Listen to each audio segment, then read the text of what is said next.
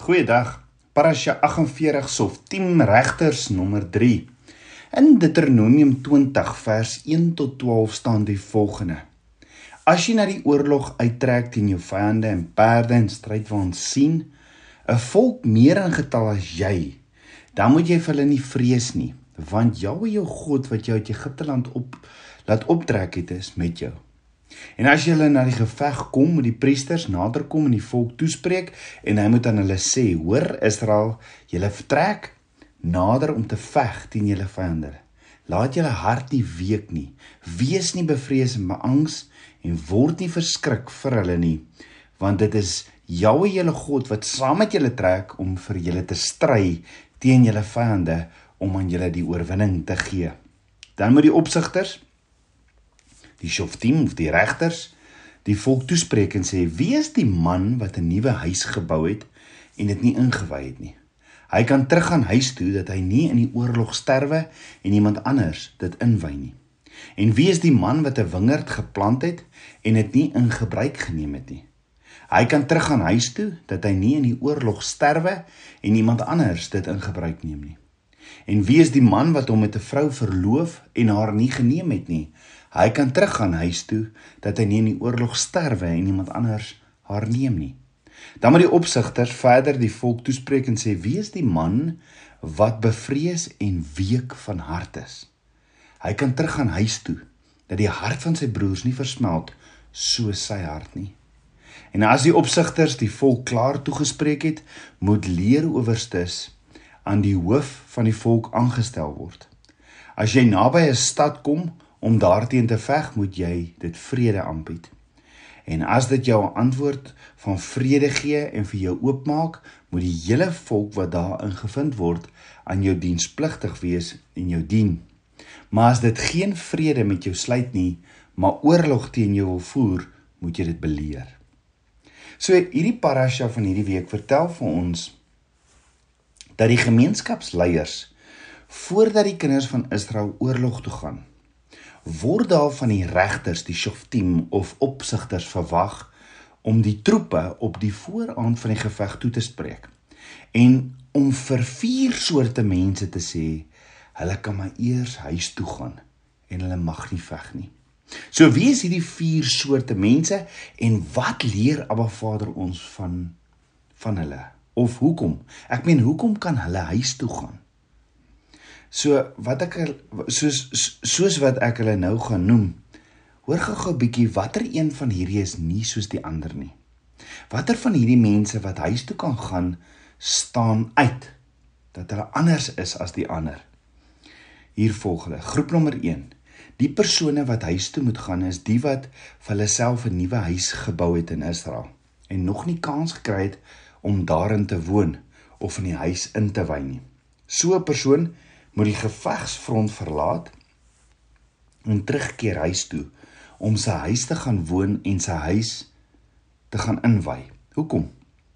Sodat hy nie in die oorlog sterf en 'n ander man kom en neem sy huis oor in plaas daarvan dat hy self nie eers in sy huis gebly het of ingewy het nie. Dan groep nommer 2. Die persone wat vir hulle self 'n wingerd geplant het en het nog nie die eersteling van die wingerde geproe nie, laat hulle teruggaan en na hulle huis toe terugkeer. Hoekom? Sodat hulle nie in die oorlog sterf en 'n ander man hulle wingerd oorneem nie. Dan groep nommer 3. Die persone wat aan 'n vrou verloof geraak het, maar is nog nie met haar met haar getroud nie, laat hulle teruggaan huis toe. Hoekom? Sodat hulle nie in die oorlog sterf en 'n ander man haar neem nie. Dan groep nommer 4 ten slotte. Die persone wat bang, vreesbevange en week van hart is, hulle kan teruggaan huis toe. Hoekom? Sodat die hart van sy broers nie smelt soos sy hart nie. Dat hy nie sy broers ook bang en vreesbevange maak nie. Want onthou, vrees is 'n gees. Soos ons na hierdie vier soorte mense kyk, wat wat Abba Vader se huis toe moet gaan wat Abba Vader sê, hulle moet huis toe gaan. Is dit mos baie duidelik dat die laaste groep, groep 4, men hierdie mense verskil van die ander 3 groepe dan nie? Want sien jy dat die laaste groep mense gaan huis toe vir die welsyn van die gemeenskap. Hierdie groep mans wat bevrees bevange is, is lafhartig, hulle is bang en Abba Vader wil nie hê ander troepe moet net so bang word soos hulle nie, want lafhartigheid, vrees is aansteeklik. Met ander woorde, gaan huis toe want dit is beter vir die gemeenskap, die kinders van Israel op die manier. Dit is wat die woord uitdruklik sê. Maar hoor gou, as jy na die ander 3 kyk, is daar 'n private noodsaaklikheid by elkeen van hierdie groepe.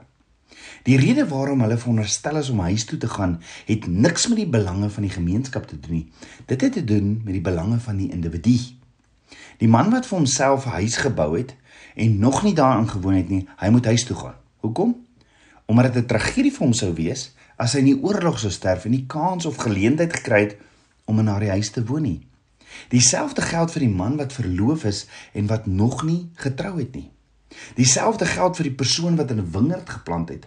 Dit gaan alles oor hulle self en nie oor die gemeenskap nie. En as dit oor hulle gaan en nie oor die gemeenskap nie, dan moet ons mos vra, maar hoekom? Hoekom moet hulle juis huis toe gaan?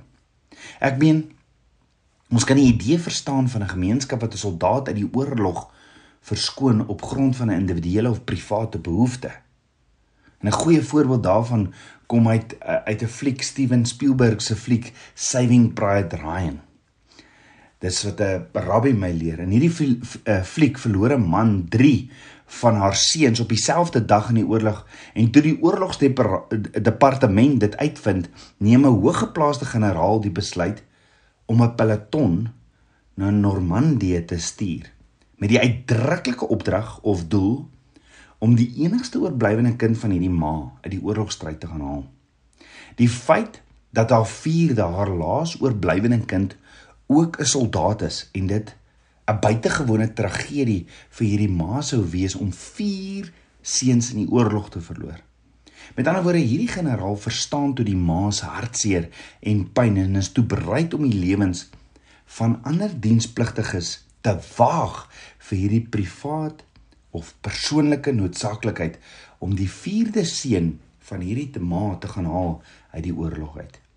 Ek meen daar is 'n soort logika daartoe want dit sou regtig 'n vreeslike tragedie gewees het vir hierdie ma om al vier van haar kinders aan die dood af te staan. Kan jy dink al die rou, die hartseer, die pyn oor die 3 van haar seuns wat reeds dood is weens die oorlog? Die gemeenskap moet mos 'n mate van begrip vir individuele opoffering en eerbied daarvoor hê. En ja, soms kom die belange van die individu eerste. Maar dink aan die situasie hier. Die situasie soos die Torah dit beskryf.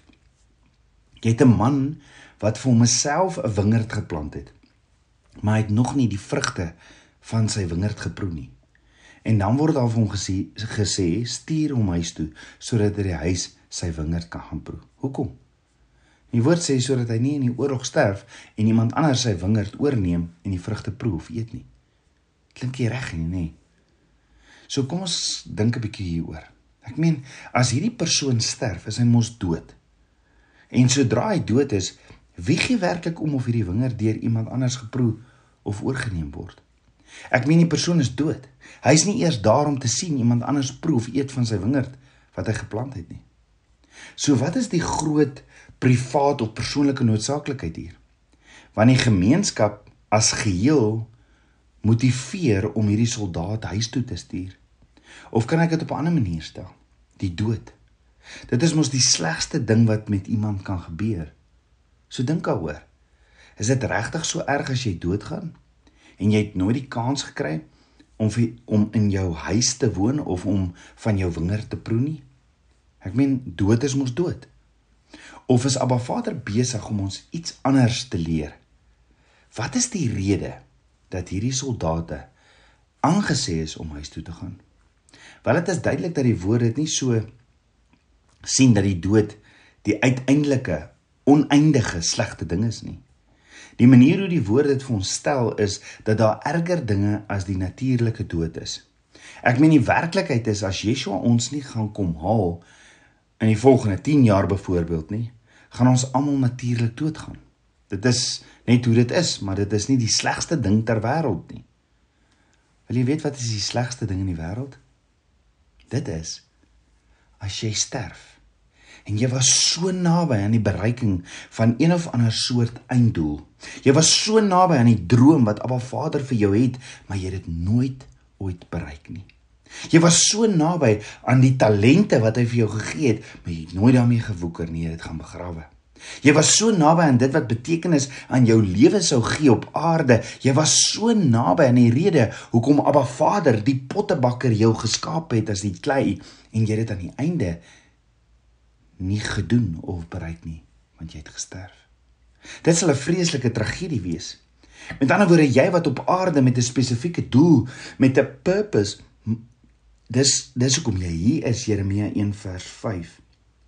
Maar omdat jy gesterf het, jou tyd het uitgehardloop. Dis tickets. En daarom het jy dit nooit bereik nie. Soos ek en jy vandag hieroor moet nadink. Hoe weet ek en jy hoekom is ons hier op aarde? Of wat is die betekenis van ons lewens?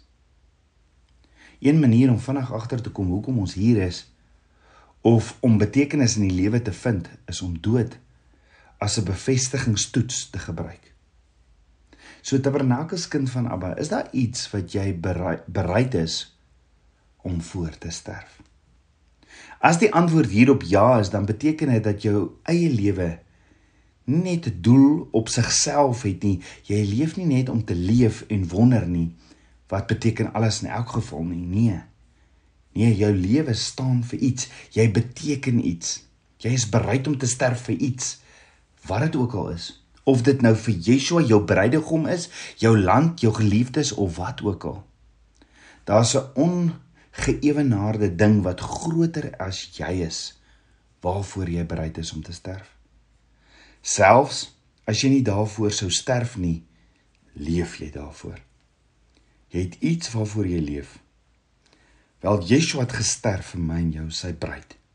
En ons is hier met 'n doel op aarde om op 'n Vader se ambassadeurs te wees op aarde. Om Yeshua se bruid te wees wat hy binnekort gaan kom haal. Maar die vraag is sal jy uit uit, uit uitsluitlik vir hom leef? die tabernakel, die tempel wat jy is, wat Heilige Gees dra, sal jy totaal al doodgaan aan jouself en uitsluitlik vir hom leef. He died for you, will you live for him? Dink daaroor vandag. As jy nou sou sterf, sou jy kon sê dat jou lewe nog steeds sinvol was? Purposeful volgens die droom wat Abba vir jou gehad het? Omdat jy daarvoor geleef het? Met ander woorde, as die dood is 'n bevestigingstoets vir betekenis is, kan ek jou dan vandag vra: Wat is die soort dinge wat jy so betekenisvol vind dat jy daarvoor sal leef? Wel die woord gee ons in hierdie week se parasha drie dinge waaroor ons waarvoor ek en jy kan leef. Ja, die woord gee ons drie mylpale, naamlik om 'n huis te bou. Dink mooi om 'n huis te bou, om 'n wingerd te plant en om te trou. Op 'n of ander manier as jy een van hierdie 3 riglyne volg of doen en die vrugte van hierdie sukses proe, kan jy voel dat dit in orde sou wees om daarna te sterf. En daarom stuur die woord die soldaat wat op die punt staan om een van hierdie prestasies te bereik huis toe om oor te ponder. Het die woord nie van die begin af van die begin van die mensdom af oor hierdie drie dinge gepraat nie. Kom ons bid saam. Abba Vader, koning van my hart, Vader, ek loof en ek prys U. Vader, ek wil lewe met 'n purpose, met 'n doel hier op aarde. Vader, ja, U gee vir my talente. U het my gevorm en gevou in in U pottebakkerhande aan mekaar gewewe, Vader. Daarom Vader wil ek wil ek hier op aarde aan u huis bou. Om om 'n wingerd te plant, Vader, saad te plant op u voorbereide grond. Om in verbond saam met u te stap, om reg te wees vir my bruidegom. Kom Vader, kom leef u droom deur my. Ek wil lewe vir u. Dankie, dankie Yeshua. My bruidegom, you died for me. I will live for you. Meer en meer van u. Ek bid dit alles in Yeshua Messie se naam, die seun van Jahweh. Amen. Shalom.